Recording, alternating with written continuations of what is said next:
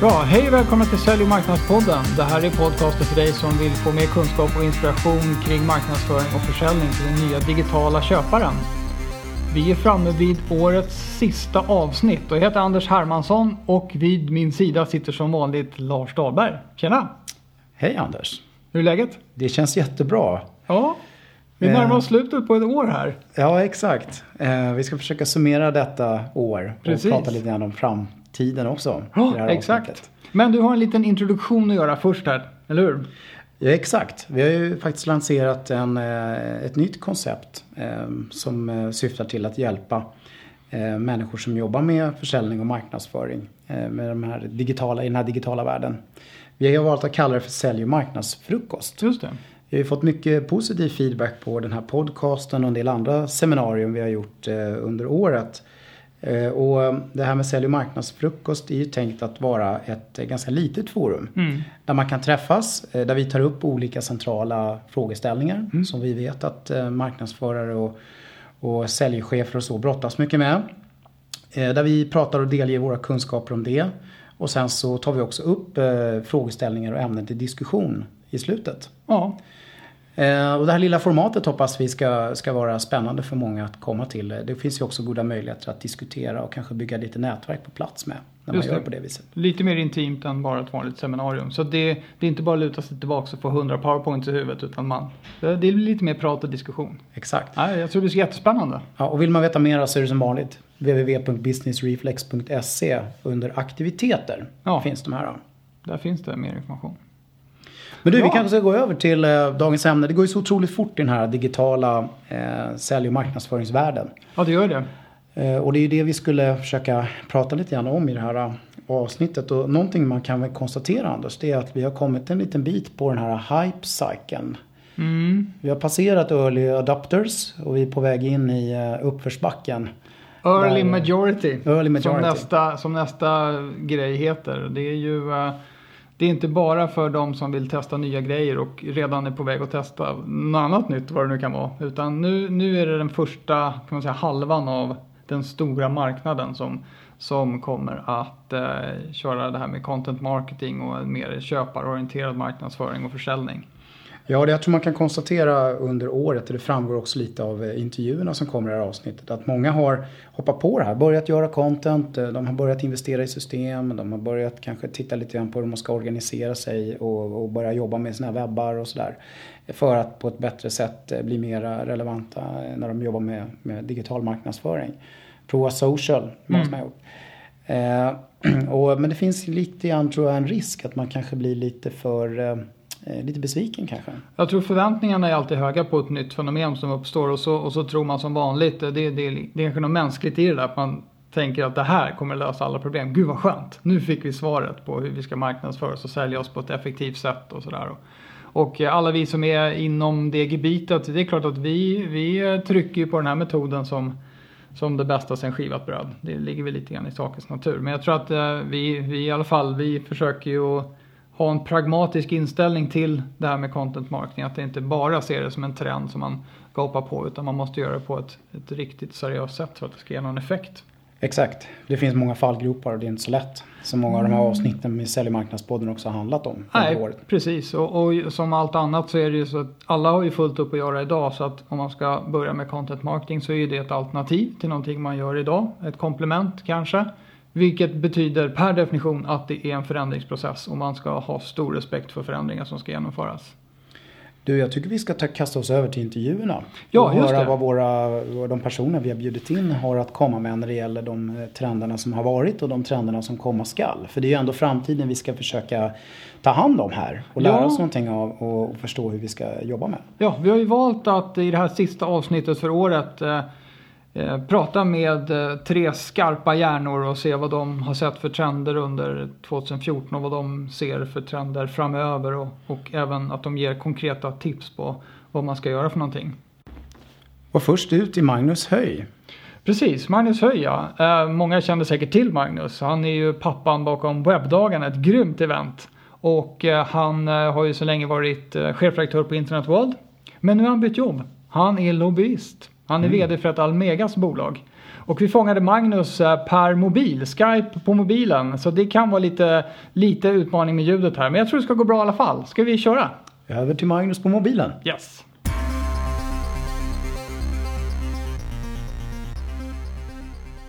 Hej Magnus, vad kul att du vill vara med i Sälj och marknadspodden. Ja men tack, tack jättekul.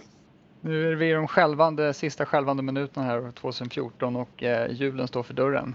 Men jag tänkte vi skulle prata lite grann om eh, saker som har varit, eh, ja, som du uppfattar varit tongivande under och sen kanske komma in lite grann på förutsägelser och så för nästa år.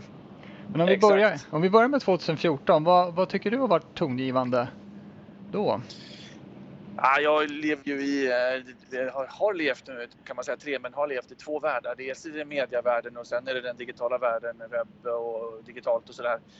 Och man kan säga att båda två har ju eh, rört sig i, fast lite olika riktningar kanske. Medievärlden har ju haft enorma utmaningar på grund av digitaliseringen och sen kan man säga att digitaliseringen i samhället i stort har ju bara tagit kliv framåt eh, i, i, i, samma oförminskade styrka som, som tidigare. Va? Det är en, en fantastisk kraft och eh, de linjer som vi har sett tidigare har ju bara eh, så här, förstärkts. Eh, om man ska lyfta fram något enskilt som var stort under året som gick så dels är det väl den här årets julklapp, det vet jag inte om det blir. Jag har i och för sig önskat mig det, men jag får se. Drönare. Ja. Man kan flyga en liten helikopter och, och filma sitt hus och sådär. Ja, det, det... Är, det är en, en stor snackis. Det har min son också önskat sig. Någon variant eh, som kostade drygt 12 000 kronor tyckte han var en lämplig nivå att börja på. Kan du avslöja nu om man får det eller inte? Eh, ja, han kommer inte att få en sån kan jag säga. Exakt. Nej, vi får se. Eh, och eh, det andra mer konkreta snackisen under året har väl varit att många i den här digitalvärlden har ju valt att operera in ett litet chip under huden så att man ska kunna bli en mer av en, en eh, ännu mer digital i sig själv så att säga. Så att man, man för in en liten produkt som kan eh, fungera som en eh, ID-markör och sådär. Ha den alltid under, under huden som man kan låsa upp dörrar med eller identifiera sig med och sådär.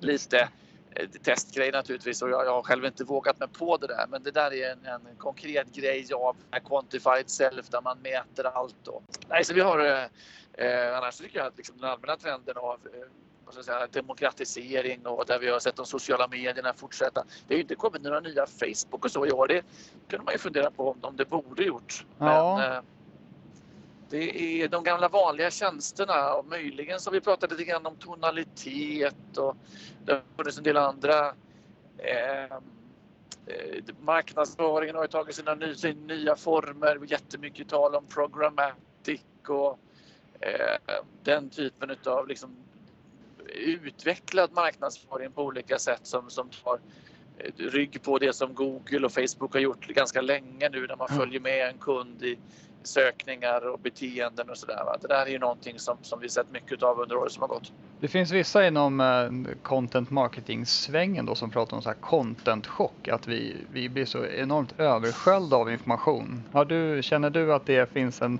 gräns för nu hur mycket att alla ska börja med content och hjälpa varandra på alla sätt och vis, att det liksom förtar hela effekten? No, nej, det kan man väl, alltså content marketing i sin kärna handlar väl om att man, man ger folk relevant grej, relevanta saker när de behöver det och, och, det, och att man är i sammanhang eller har en kommunikation som är på kundens villkor. Det där kan ju aldrig vara fel, va, tänker jag. Och, och det, det, det, styr ju helt mottagaren på när han behöver något eller söker efter något. Och det, då ska man finnas där med relevanta relevant fakta. Det, det där kan ju aldrig vara fel, tänker jag. Sen Nej. kan det möjligen vara om man gör det taffligt, det är väl många som gör det och då kan det kännas lite sökt och så just nu. Men, men eh, grundidén tror jag inte alls är dålig och kan aldrig bli för mycket av egentligen. Nej, man försöker vara lite smart och, och eh, sälja lite grann på vägen. Det, då, det är rätt förfelat faktiskt. Ja, och det, ja, det finns säkert gott om sådana exempel där folk så här, passar på att eh, göra sin gamla vanliga reklam men, men så försöker man kalla det content marketing och göra det lite. Och det där, då kan det bli lite fånigt naturligtvis. Men, men i sin kärna kan det där aldrig vara fel tänker jag. Nej, nej men det är riktigt. Jag tror också det, det känns eh, som en mycket mer sund inställning till kommunikation helt klart. Och på, bådas, på bådas villkor. Då.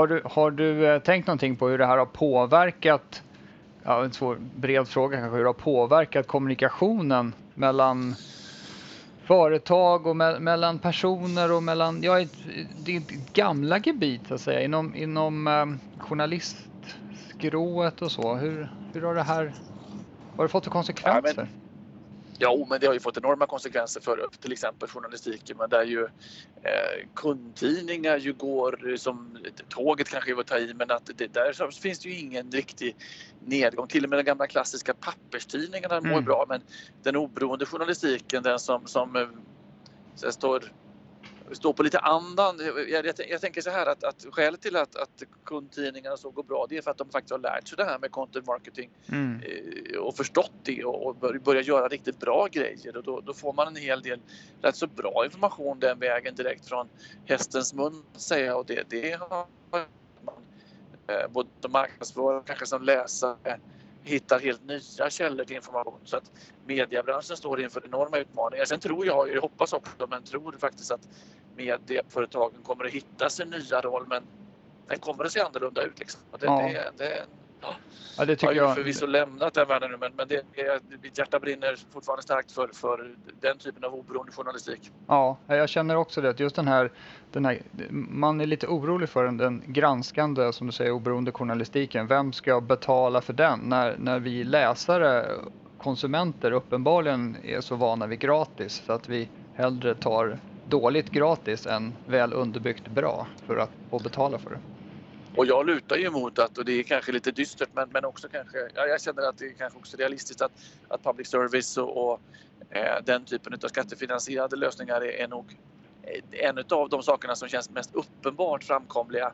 Eh, möjligen så stiftelsefinansierade, att man, man har pengarna kommer från andra sätt än rent kommersiella. Det, mm. det kan man tycka är vad man vill om men jag tror att eh, public service-idén är en av de mest uppenbara vägarna framåt för den oberoende journalistiken. Och ja. kanske ska inkludera mer då än radio och tv som det gör idag. Men ja, det, är, det är ju en, en mer policyfråga naturligtvis. Ja, precis. Nu, nu tänker jag själv, man är lite van vid att det finns så att säga, statlig tv vid SVT och så, men en statlig tidning, det lät helt plötsligt väldigt mycket Nordkorea. ja, och, ja, jo, å andra sidan liksom. Det, det ja. kanske är, som du säger, vi är vana vid tv och radion och den har vi ju utgett anledning att vara jätte Ja, det kan mycket synpunkter på, på alla möjliga saker men, ja. men vi gillar ju kanske själva grundidén av en allmänfinansierad eh, journalistik på det sättet. Men ja. ja det där är en större fråga så det, det, kanske vi får ta i någon annan podd helt enkelt. Ja, just det. Precis. Vi får pratas vid flera gånger. jag tänkte på utvecklingskurvan här då i, i form av då att vi har nu sociala medier. Vi har ett internet som används väldigt mycket för kommunikation snarare än vad det var till för från början envägsutbasunering. Eh, eh så. Var någonstans tycker du att vi befinner oss? Är vi i början av någon sorts utveckling i mitten eller har vi liksom kommit till en platå nu där vi kommer att befinna oss en ganska lång tid framöver? Eh, jo, men jag tror att vi um, på ett sätt har väl mognat i, i uh, internets utveckling i, i, i, den meningen att vi nog kanske har lämnat den tekniska frågan lite. Det har blivit en professionalisering utav utav teknik och plattform. Bara det faktum att vi nu har Alltså jag vet inte om Facebook och, och, Google är bra exempel, men man kan tänka att det inte bara det sprutar inte ut nya grejer och nya tjänster utan här finns det en mogenhet och då planar det ut något.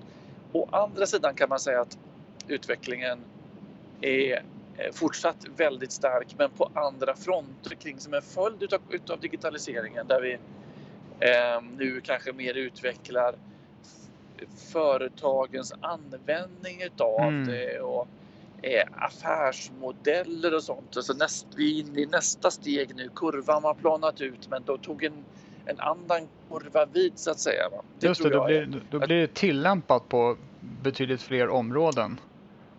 Som Uber, jo, och, Uber och så här. Att det, det är precis som du säger Airbnb och nya typer av delningsekonomier och sånt som jättemycket sånt va? där man är så kanske mer som en plattform för, för andra att göra saker. Och jag tror att det, det är det ena kring konsumentbeteenden. Sen så tror jag att vad, vad som kan vara nästa steg efter det, det är ju kanske de traditionella B2B-företagen där vi har eh, industriföretag och liksom längre bak i värdekedjan som ännu kanske inte riktigt har drabbats av digitaliseringens stora kraft. Men den tror jag kommer i, i, nästa våg kanske då. Ja. Ja, det kommer antingen så klarar de företagen av att förändra sig eller också blir de ju så att säga, utkonkurrerade av några några människor som hoppar av från de där företagen och startar någonting som gör samma sak men på en helt ny modell. Vi får väl se vad som händer. Säkert en kombo de där två.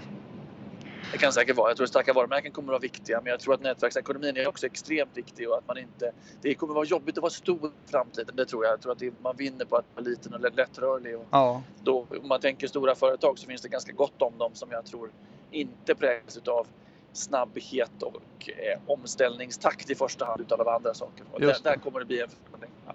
Det har varit den här Economy of Scale har ju varit någonting som vi har strävat efter i en herrans massa årtionden nu. Störst är bäst på något sätt och det, det känns som att det inte är helt självklart längre.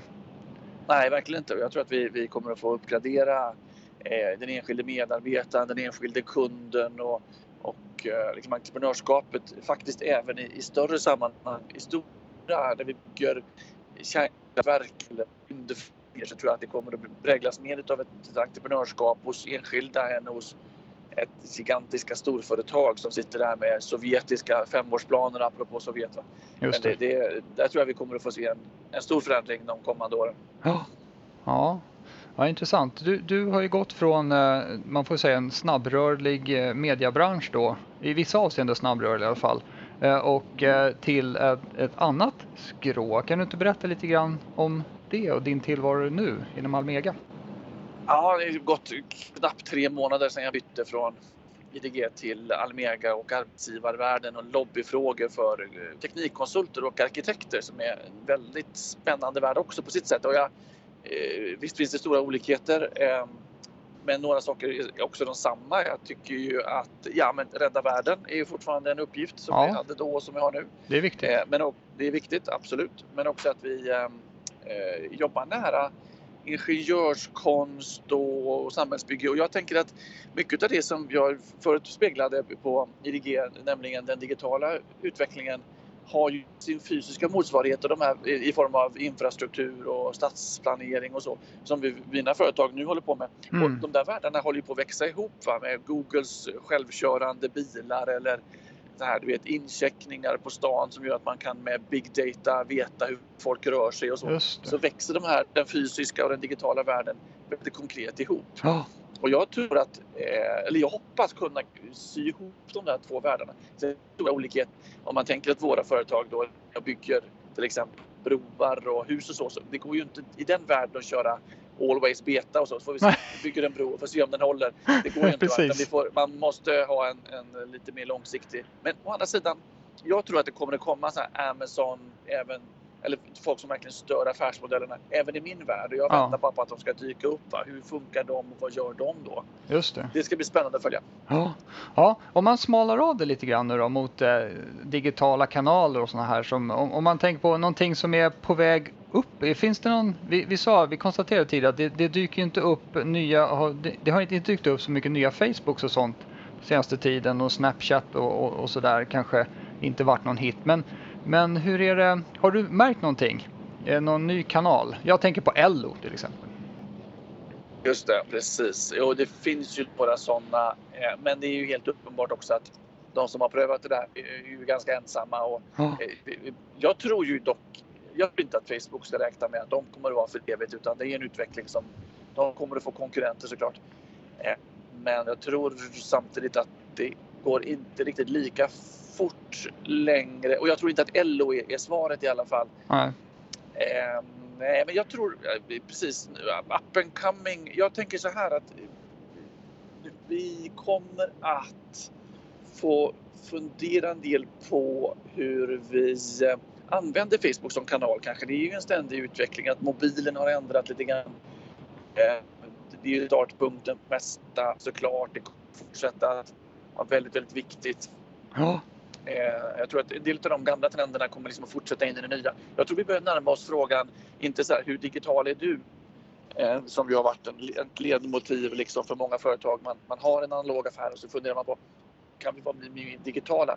Jag tror vi börjar närma oss frågan nu snarare, hur analog är du? När utgångspunkten för ganska många företag är det digitala. Man, man börjar i en digital idé och så funderar man på vad kan vi lägga till för analoga komponenter? Ah. Det, jag tror att vi bör liksom snart börjar få ställa oss den omvända frågan där, där den här balansen eh, Ja, för jag tror att det, och det, det kommer komma olika olika branscher. Va? Men Mm. i, digital, i min gamla mediavärld så tror jag att det börjar närma sig ett läge där, där allt man gör initialt är en digital grej och så funderar Ja. man sen, ja, vad kan vi lägga till för analoga komponenter? För att det finns ibland mer pengar att hämta där på vissa sätt och så.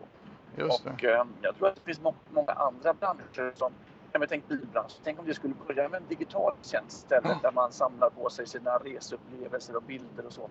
Och sen så eh, kopplar man på bilen i ett senare skede. Eller tänk Ja. som hotellbranschen där man börjar med sina incheckningar och var man är och sen kommer komma till hotellrummet. Så, Just det. så är den en, en konsekvens av liksom, resan. eh, Och så. Ja, jag tror här är en, en förändring som eh, kanske inte kommer över en natt men som kan bli spännande på sikt.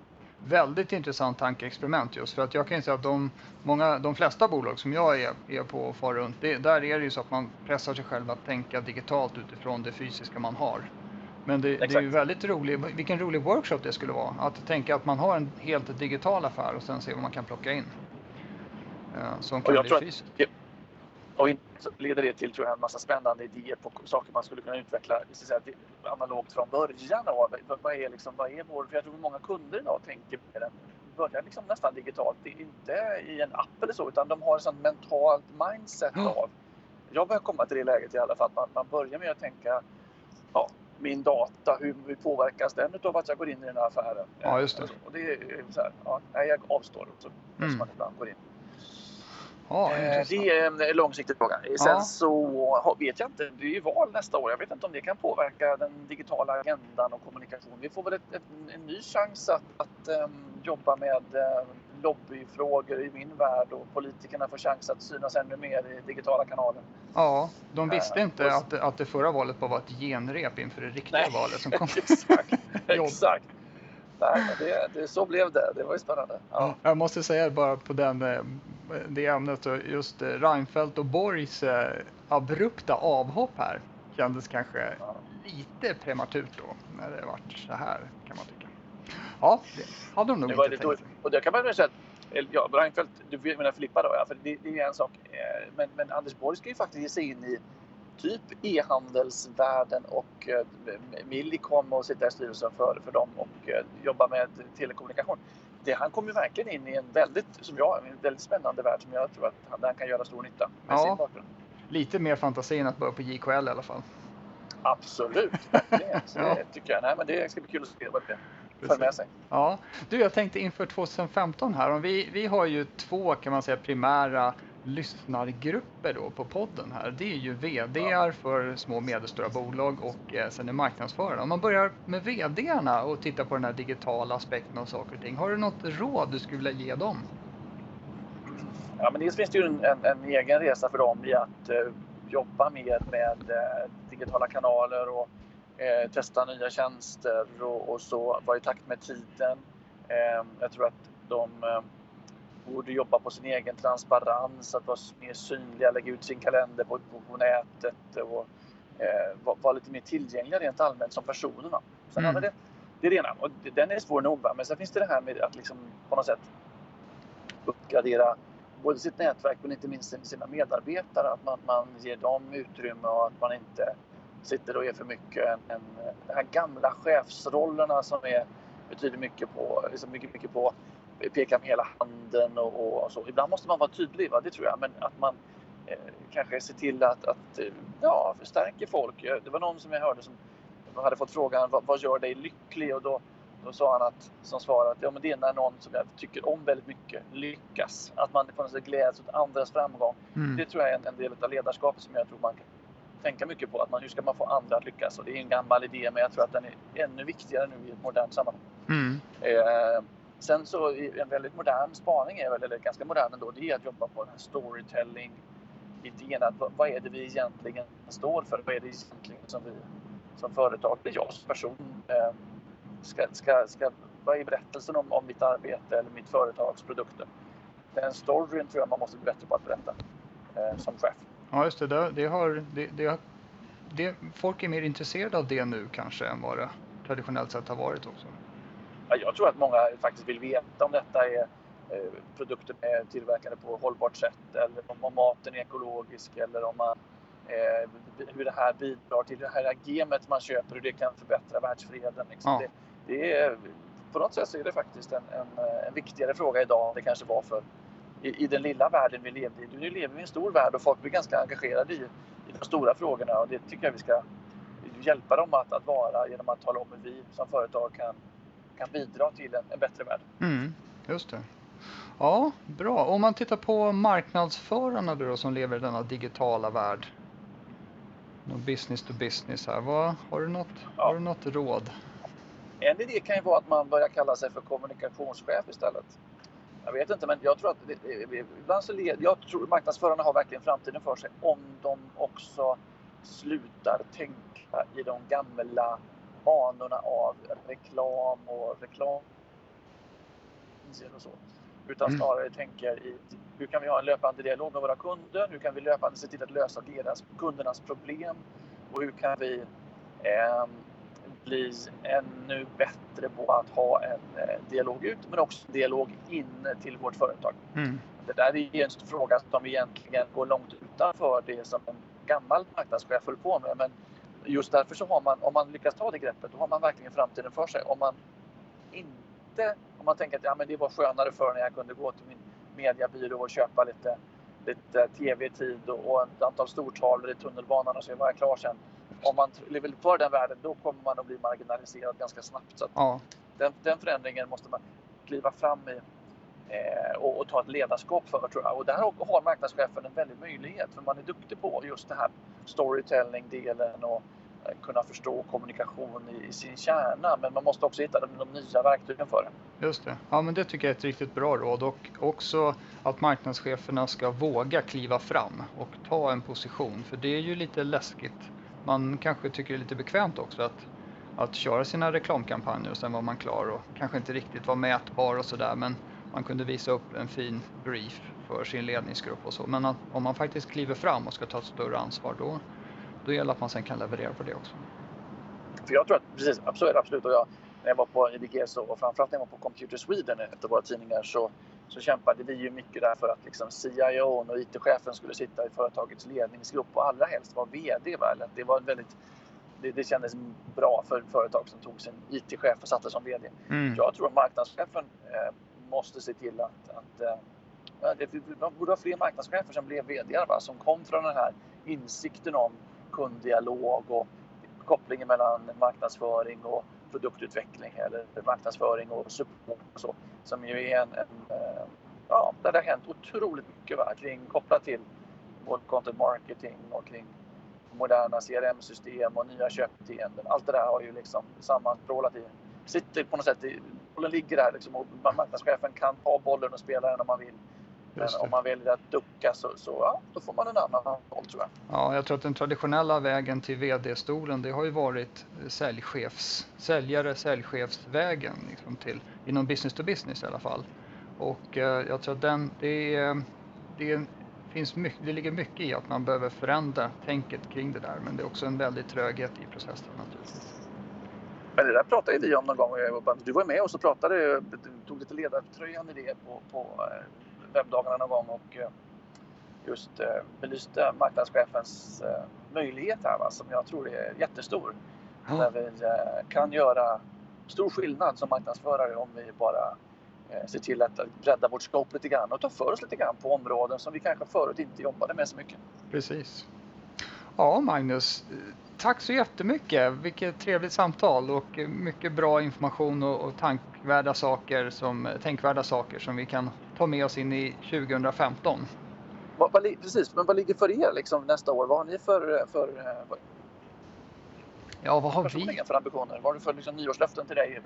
Ja, just det. Ja, nyårslöften för mig, till mig själv och våra kunder. Så jag, jag tänker att jag ska lyssna mer än jag har gjort 2014. Och lyssna, alltså, lyssna i sociala kanaler, bli, ta, ta, in mycket mer information. Det var en väldigt intensiv eh, informationsinhämtning när vi startade Business Reflex för ett par år sedan och sen så har man ju jobbat med den informationen och eh, kunskapen och det som man har byggt upp här och nu tycker jag det känns det, det är läge att, att ta ett nytt tag kring kring eh, vad som händer i världen och inom vårt gebit här och lyssna mycket mer under 2015 så man kan ta nästa utvecklingssteg, både av våra tjänster och personligen också. Mm. Så det är ett litet nyårslöfte får man säga. Det är bra. Ja. Jag eh, tror att jag ska eh, lova mig själv nu i den här podden att inte tappa kontakt med min gamla värld. De här som dig och alla andra som jobbar i de digitala kanalerna. Jag eh, tycker att det är någonting jag måste fortsätta att ha nära hjärtat. För det finns så mycket att hämta där, i synnerhet när man nu kanske inte andas den luften varje dag. Utan att man, jag kanske rent av ska gå på webbdagarna. Det, det kanske vore en idé. Ja, jag har varit på webbdagarna. Det är ett klockrent event. Det är jättebra, Magnus. ja, men, exakt, det kanske, ja, men jag har hört det. Det sägs det. Jag ska faktiskt uh, kolla på det programmet och se om det kan vara någonting för mig. Ja. Nej, men det är klart att det, jag tror att just den typen av mötesplatser ger mig, i synnerhet nu när jag kanske har lite andra utmaningar, lite anledning att reflektera mer över vad jag kan själv omsätta. Det kanske kommer vara farten förut. Nu, nu måste jag mer kämpa med det och det, det är lärorikt i sig tycker jag. Ja, men vet du vad? Eftersom du fortfarande har en fot i varje läger så, så kan man tänka sig att du skulle kunna inte bara själv i ditt eget huvud koppla ihop de här sakerna utan kanske skapa forum där de här två så att säga, världarna kan mötas. Det vore väl intressant? Mm.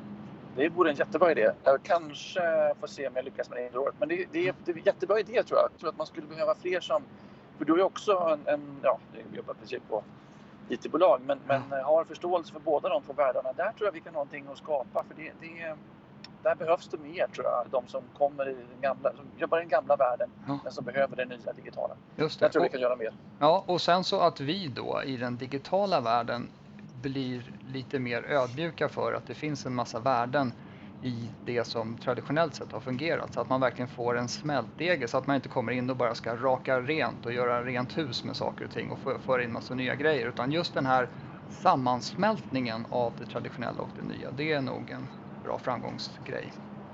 Det tror jag. Det ser vi fram emot under nästa år. Yes, det gör vi. Tack så jättemycket för pratstunden Magnus. Ha en god jul och ett gott nytt år. Tack Anders och detsamma. Vi hörs av. Det gör vi. Så, då får vi tacka Magnus för hans insiktsfulla ord. Ja, precis.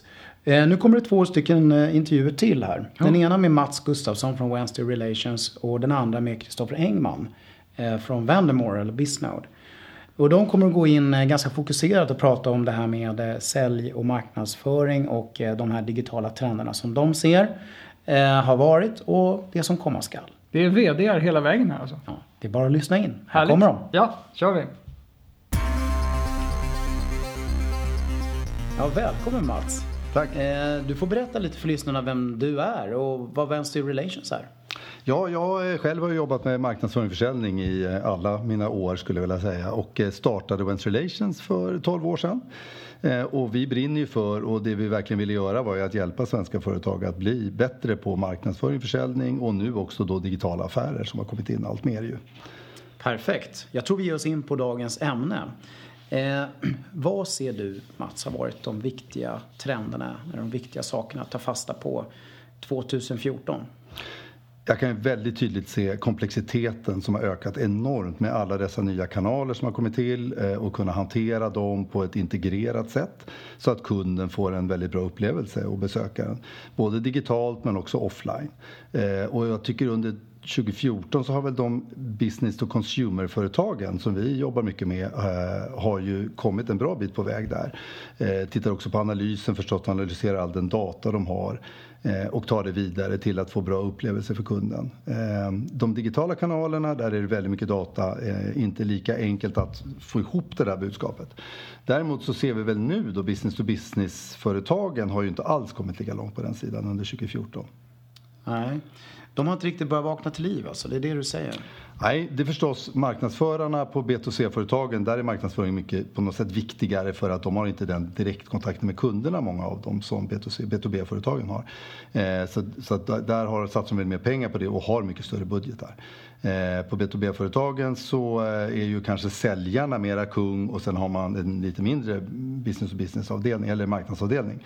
Eh, nu generaliserar jag lite, det finns undantag. Mm men eh, det är ju där man då behöver jobba med alla de här kanalerna. Det kan ju nästan bli ännu jobbigare då man inte har lika mycket resurser och pengar för att göra det.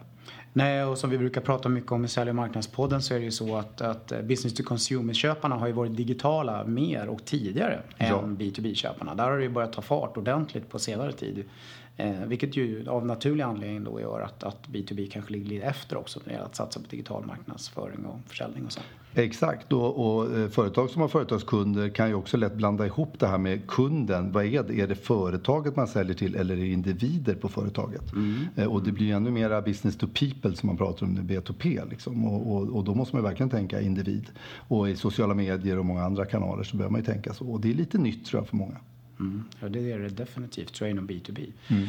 Eh, precis, och där känner du liksom att det har, det har varit trenden ganska mycket kopplat till 2014 och fram till mm. vad jag är idag. Och vi ska titta lite framåt då. Eh, året börjar ju röra sig mot sitt slut här och det är visst det här tiden på året som man brukar tänka framåt lite grann. Vad tror du att, eh, att vi har framför oss 2015 när det gäller det här med digital marknadsföring och försäljning? Vad blir viktigt? Vi har ju jobbat och brunnit väldigt mycket för just CRM och kundlojalitet som har varit ett av våra core business events relations. Eh, där kan man väl se att nu har det kommit också till, till eh, sajterna och det digitala med customer experience och liksom mm. upplevelsen på sajten som måste hänga ihop med den upplevelsen man har i butiken kanske eller man har på e-mail marketing och annat. Och det här med relevans i budskapen förstås baserat på kunddata. Eh, det här kommer ju också nu till business to business-företagen och de ska kunna hantera det här också i den här multikanalvärlden. Eh, och med sociala medier och med offline och online och digitalt och e-mail marketing och så. Eh, och där är väl utmaningarna Eh, som en del ser eh, jag. Det är förstås man måste också titta på hur kunderna köper våra produkter eller tjänster för att kunna synas och vara där när de söker. Vi ser ju väldigt tydlig trend, i synnerhet på B2B-sidan, att köparna kontaktar leverantörerna allt senare i processen. Mm. Och då gäller det att man syns med content marketing, som ni jobbar mycket med ju, eh, och, och kunna vara relevant och förstås och hjälpa kunderna till köpet. Och I början måste man ju vara ganska objektiv och sen kan man kanske bli mer subjektiv och koppla till sina egna tjänster. Sen ser ju vi förstås väldigt mycket eh, analysen, analysera all data. Man måste samla all data förstås först och sen analysera den, få ihop det där till att kunna skapa relevanta erbjudanden ut mot kund. Och det gäller både B2C och B2B känner vi. Eh, konvertering måste man ju prata mycket mer om och konvertering tycker jag är alla kanaler. Och jag brukar säga själv på konferenser och så att, att eh, vi måste alla tänka som e-handlare. Vi måste tänka konvertering. Vi kan inte bara prata om hur mycket hur många besökare vi har på sajterna utan vi måste tänka kvalitet på besökarna på sajterna. Och det blir naturligt om man börjar prata konvertering. Sen kanske man inte konverterar till att man säljer något på sajten. Man kanske konverterar till ett e-mail marketing, eh, e- e-postnyhetsbrev mm. eller, eller någon annan typ av konvertering. Ladda ner ett white paper eller så. Mm. Men det tror jag är väldigt kritiskt för framtiden. Mm. Ja, det, det, låter ju som att uh, i, i, mina öron här att B2B har mycket att göra. Det är multikanal och det är bättre på konvertering och det, det är alla möjliga olika saker här. Man verkligen måste liksom satsa och utveckla den här digitala sidan av marknadsföringen och försäljningen. Ja, och extremt svårt förstås om man då kanske är ett medelstort företag. Jag menar till och med ganska stora företag idag, tjänsteföretag som eh, kan ju vara ett konsultbolag jag träffade nyligen på med 500 miljoner omsättning har inte en enda person på marknad. Mm. Om man då ska jobba med content marketing eller lead generation, konvertering på sajterna, alltså vem ska göra det? Mm. Och jag tror att även medelstora och lite mindre företag måste jobba lika proffsigt som de stora för det förväntar sig marknaden där ute. Mm. Eh, vilket är en enorm utmaning skulle jag säga. Mm. Ja, precis. Det blir, det blir en stor kompetensutmaning utifrån ditt resonemang också kan jag känna eh, väldigt mycket. Därför ja. Att, ja, alltså, dels ska de börja jobba mycket mer med marknadsföring och dels ska de börja göra det på ett väldigt mycket nytt sätt kopplat till den här digitala världen. Fördelen kan ju vara när man inte kanske fokar lika mycket på kampanjer utan lite långsiktigare saker. Att man gör ett dokument, någon typ av white paper eller så, eh, kunskapsdokument brukar jag kalla det för, eh, och lägger ut mm. så kan ju det leva under väldigt lång tid. Mm. Men man, så man kan ju, liksom, det, det, är ingenting som behöver leva bara en månad och sen gör man något nytt. Utan man kan göra nya saker men det gamla kan leva väldigt länge. Och sen blir det den här uh, long tail med liksom nedladdningar. Mm. Eh, I början kanske mycket men sen under lång tid så blir det, tickar det på sakta men säkert. Och säljarna får leads in till exempel. Bra. Eh, har du något handfast tips du vill ge dem då? Eh, när de ska in i den här världen? Eller om de har kommit en liten bit kanske? Ja, för det första tycker jag en sak det är ju så här att, att var inte frustrerad över allt man inte gör utan gör små saker hela tiden. Man brukar alltid vara bättre än kanske konkurrenterna om man bara börjar någonstans. Det är väl den ena saken. Den andra tycker jag det är verkligen det som inte är helt enkelt det är att skippa först och främst säljprojekten, säljprocessen utan tänk på köpprocessen. Hur kunderna köper våra produkter och tjänster. Och sen som ett draglås eller ett, ett blixtlås matcha in din säljprocess process i kundens köpprocess. Det är det man måste förstå verkligen. Hur köper kunderna våra produkter och tjänster? Exakt. Du ska ha stort tack Mats för att du tog dig tid att komma och hälsa på oss i Sälj och marknadspodden tack. Eh, och delge lite grann dina erfarenheter kring det här till våra lyssnare. Tack, tack så, mycket. jättemycket. Tack så du Hej då. Du är ju andra gången med i Sälj och marknadspodden, Kristoffer. Absolut, det är ett nöje. Det kan ju finnas någon som inte har lyssnat på det tidigare avsnittet möjligtvis. Kan du bara säga något kort om dig själv? Eh, jo, jag heter Kristoffer Engman och driver en verksamhet som heter Vendemore. Eh, vi jobbar med account-based marketing som är ihop med content marketing och marketing automation en av de tre stora trenderna inom komplex B2B försäljningsstödjande marknadsföring. Eh, account-based marketing fokuserar väldigt mycket på att utveckla de bästa befintliga kunderna eller de mest högpotentiella nya kunderna. Så normalt där de flesta bolag tjänar sina pengar. Ja, jag vet ju att du har eh, väldigt lång erfarenhet av det här med digital marknadsföring och försäljning eh, sen tidigare också innan du drog igång Vendemore. Så det ska bli lite intressant Kristoffer att höra hur du ser på trenderna som, som har snurrat här nu 2014 till att börja med jag, ser, jag ser en handfull trender faktiskt. Eh, den, den, första kan jag säga som redan börjar tippa över det är att om jag backar två år så har jag sett väldigt mycket hype kring både verktyg och begrepp där, det är alldeles för många. som man, man uppfattar nästan som att styrelsen har sagt till VDn att vi borde hålla på med det här. Och så trycks det igenom till en stressad marknadsavdelning och så börjar man jobba med begreppen content marketing, marketing automation och till viss del även med vår egen kategori account-based marketing, sök, sociala medier och, och sen så sätter man sig ur ett strategiskt perspektiv och tittar på det här så ser det ut som rappakalja eh, där man har varit för fokuserad på begreppen och att få igång begreppen istället för att tänka till lite grann. Så att en stor trend som jag ser nu är att fler och fler företag ganska snabbt mognar och, och börjar tänka mer pragmatiskt. Gå bort från hypen och tänka, okej, okay, vilka är egentligen de viktigaste befintliga kunderna? Vilka är de viktigaste potentiella kunderna och varför? Och, och vilka grupper inom de här företagen är viktiga för oss att nå både personas, avdelningar och, och så vidare. Ja, det, är det, är en ganska tydlig trend tycker jag. Ja, det är intressant att du tar upp det här. Det, det finns ju många undersökningar också som pekar på att det, det är en stor avsaknad av någon sorts digital strategi. Eh, och, och, det märks ju väldigt tydligt att många har gett sig på att pröva eh, olika saker. Prova på att göra, prova på verktyg och prova på att testa eh, olika grejer precis så som du nämner nu.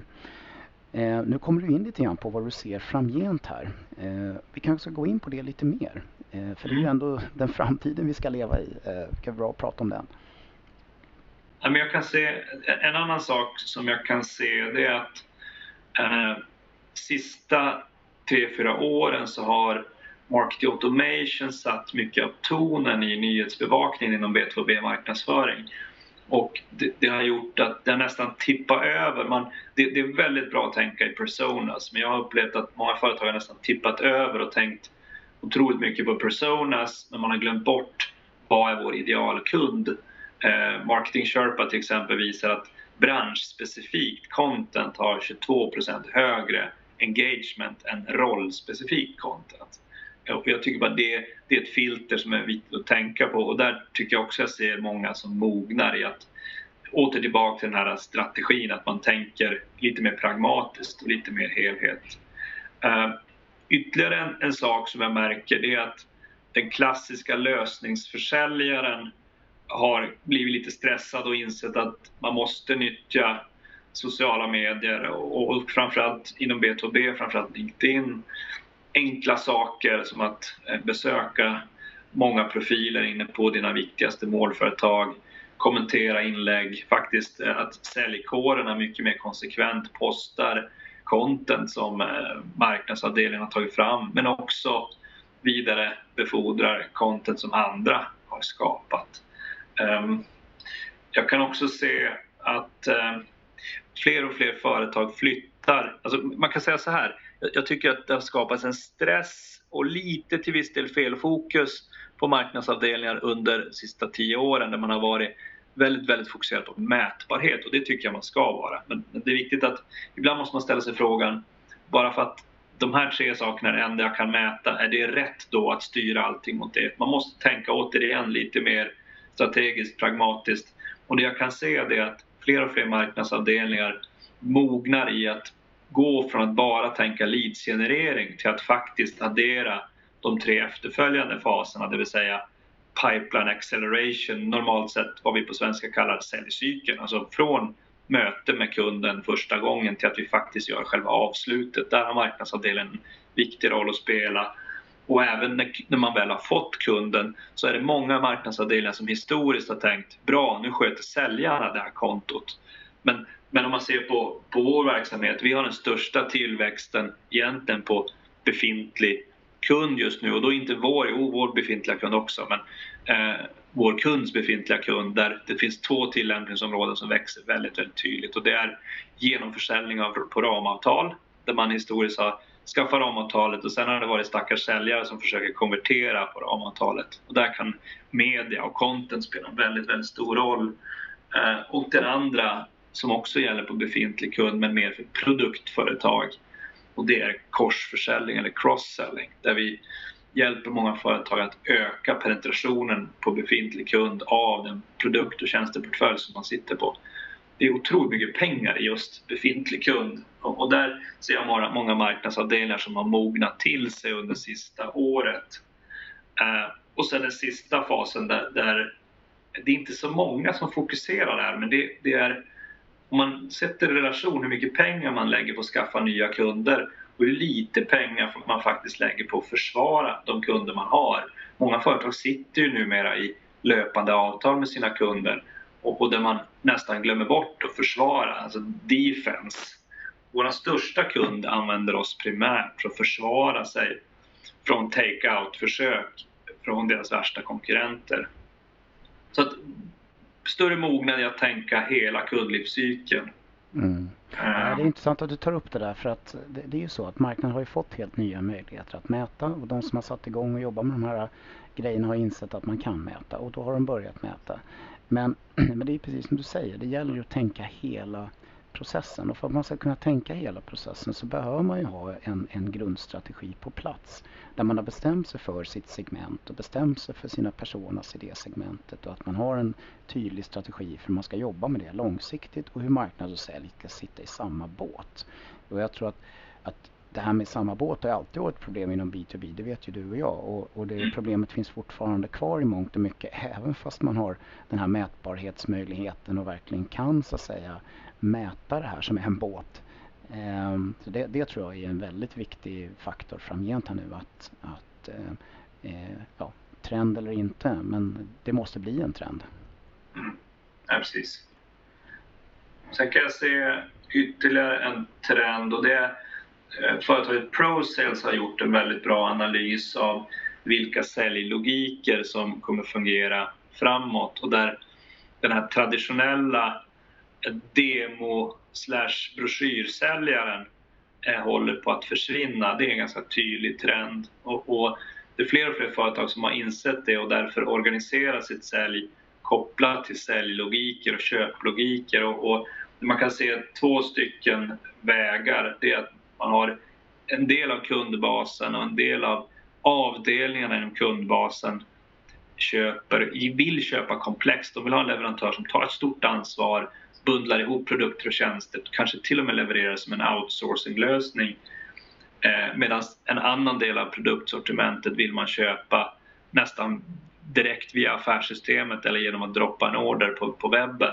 Så att det finns en tydlig uppdelning mellan komplex försäljning som blir ännu mer komplex och transaktionell försäljning som blir automatiserad. Och där den traditionella eh, broschyrsäljaren som sagt går upp i rök. Och det, det stöds även av, så Process studier stöds även av Gartner och andra som, säljer att, som säger att antal säljare kommer sjunka, om vi tar en amerikansk siffra då, från 18 miljoner säljare ner till 4 miljoner säljare bara på sex år. Och då kan ju då kan en del säljare bli jäkligt stressade över det. Men, men det handlar hela tiden om att nyttja, eh, nyttja de bästa verktygen och vara ett steg före alla andra så, så har man ett stort försprång. Jo, men det, det, var, det var en otroligt bra epilog som eh, en kollega drog efter att ha lyssnat på ProSales seminarium om eh, den här uppdelningen och att den transaktionella försäljningen blir blir automatiserad. För då var det en del säljare som blev väldigt stressade över det. Men då sa han så här, det, det är två män som är på savannen i Afrika i ett tält och så hör, eh, hör de att det prasslar utanför och den ena mannen tittar ut ur tältet och ser att ett gäng lejon är på väg mot tältet. Och han ropar stressat in till sin kompis. Du, eh, vi måste snabbt härifrån, det är lejon på väg hit. Varpå eh, personen som är inne i tältet börjar knyta på sig sina löparskor. Och han som har sett lejonen säger Varför tar du på dig dina löparskor? Tror du vi klarar av att springa ifrån lejonen? Nej, men jag springer ifrån dig, sa han som var inne i tältet. Ja. Eh, jag tycker det, eh, om man fattar poängen där, tycker jag är väldigt, väldigt rolig. Eh, jultips. Ja, ja, det blir ju nyårstips här, Kristoffer. Vi får förklara lite. Vi spelar ju in före jul faktiskt, men det kommer sändas eh, dagen före nyårsafton. Ja, mitt, mina nyårstips skulle nog vara tillbaka till det jag, det jag kan se att fler och fler gör, det vill säga tänk mer pragmatiskt.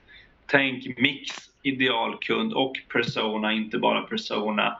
Eh, kolla, var tjänar vi våra pengar? Eh, och, och när vi tittar på vad vi ska mäta tänk inte bara vad kan vi mäta enkelt för då, då styr vi lätt marknadsföringen galet. Ett, någonting som jag kan se generellt sett styrs lite galet är att sök har en tendens att överprioriteras för att sök är lätt att mäta men det är inte alltid, inte alltid den bästa taktiken beroende på vem man är såklart. Ja exakt. Vad bra Kristoffer, då får vi tacka dig eh, för att du ville vara med i Sälj och marknadspodden för andra gången. Tack. Eh, en återkommande gäst.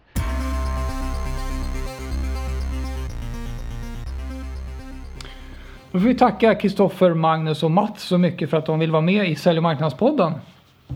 Ja, precis. Det är härligt att de vill vara med och ställa upp och bidra. Men du Anders, vi, eh, vi har ju också lite tankar på det här med vad som komma skall. Ja, vi är mitt uppe i det här och eh, vi försöker snappa upp de trender och de ämnen som folk pratar om och som vi själva tycker känns relevanta och viktiga.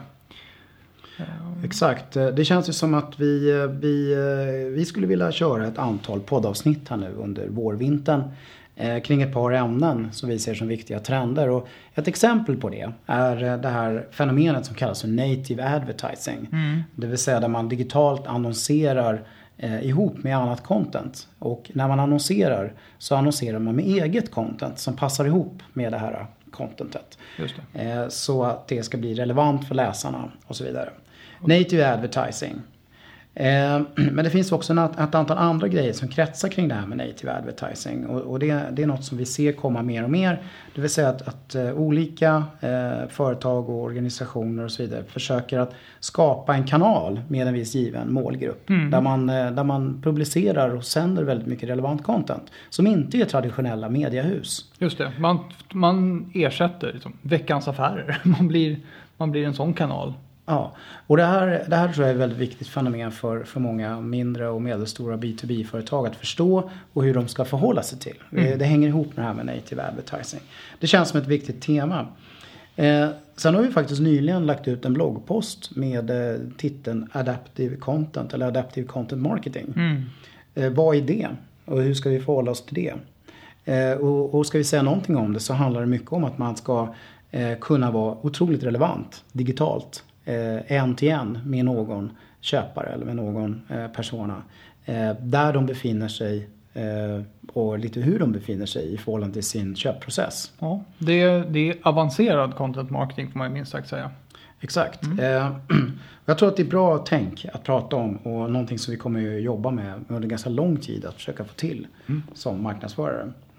Sen är det det här med, med hur vi ska skapa content. Eh, och vi har haft avsnitt i Sälj marknadspodden under året som har handlat om det här.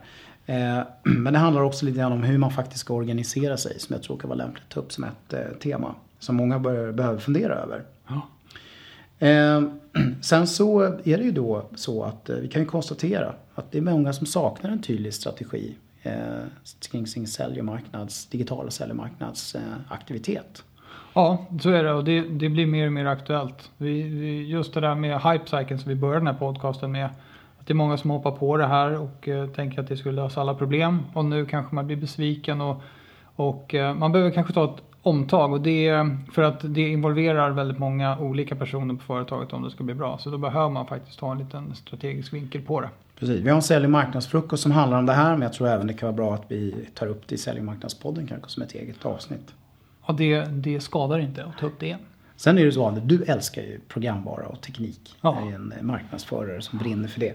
Så vi måste nog nästan ta upp det här nya fenomenet content marketing programvara också. Ja, det är en hyfsat komplex process att få ihop allt det här och eh, det skulle inte skada med lite programvarustöd för själva content marketing-grejen. Vi har ju pratat om marketing automation eh, ett antal gånger. Det är ju, eh, det är ju ett programvara för att få ut sitt content och göra promotion av det. Men content marketing processen i sig, att skapa rätt content och hålla reda på redaktionell kalender och sånt där. Det skulle inte vara så dumt att ha programvaror för det. Precis, och det börjar ju dyka upp en del programvaror faktiskt inom det här området. Ja, det är några som försöker. Ja, då är det dags att runda av Sälj och marknadspodden för i år, Anders. Ja, det är det. 2014 börjar lida mot sitt slut och det var årets sista avsnitt. Ja, det är årets skälvande minuter här när, när det här avsnittet sänds. Oh, det kommer nya nästa år, så man behöver inte vara ledsen. Garanterat. Du, vi kanske ska avrunda som vi brukar. Ja, vi gör det. Ja, det gäller att vara Relevant. Hej då! Hej då!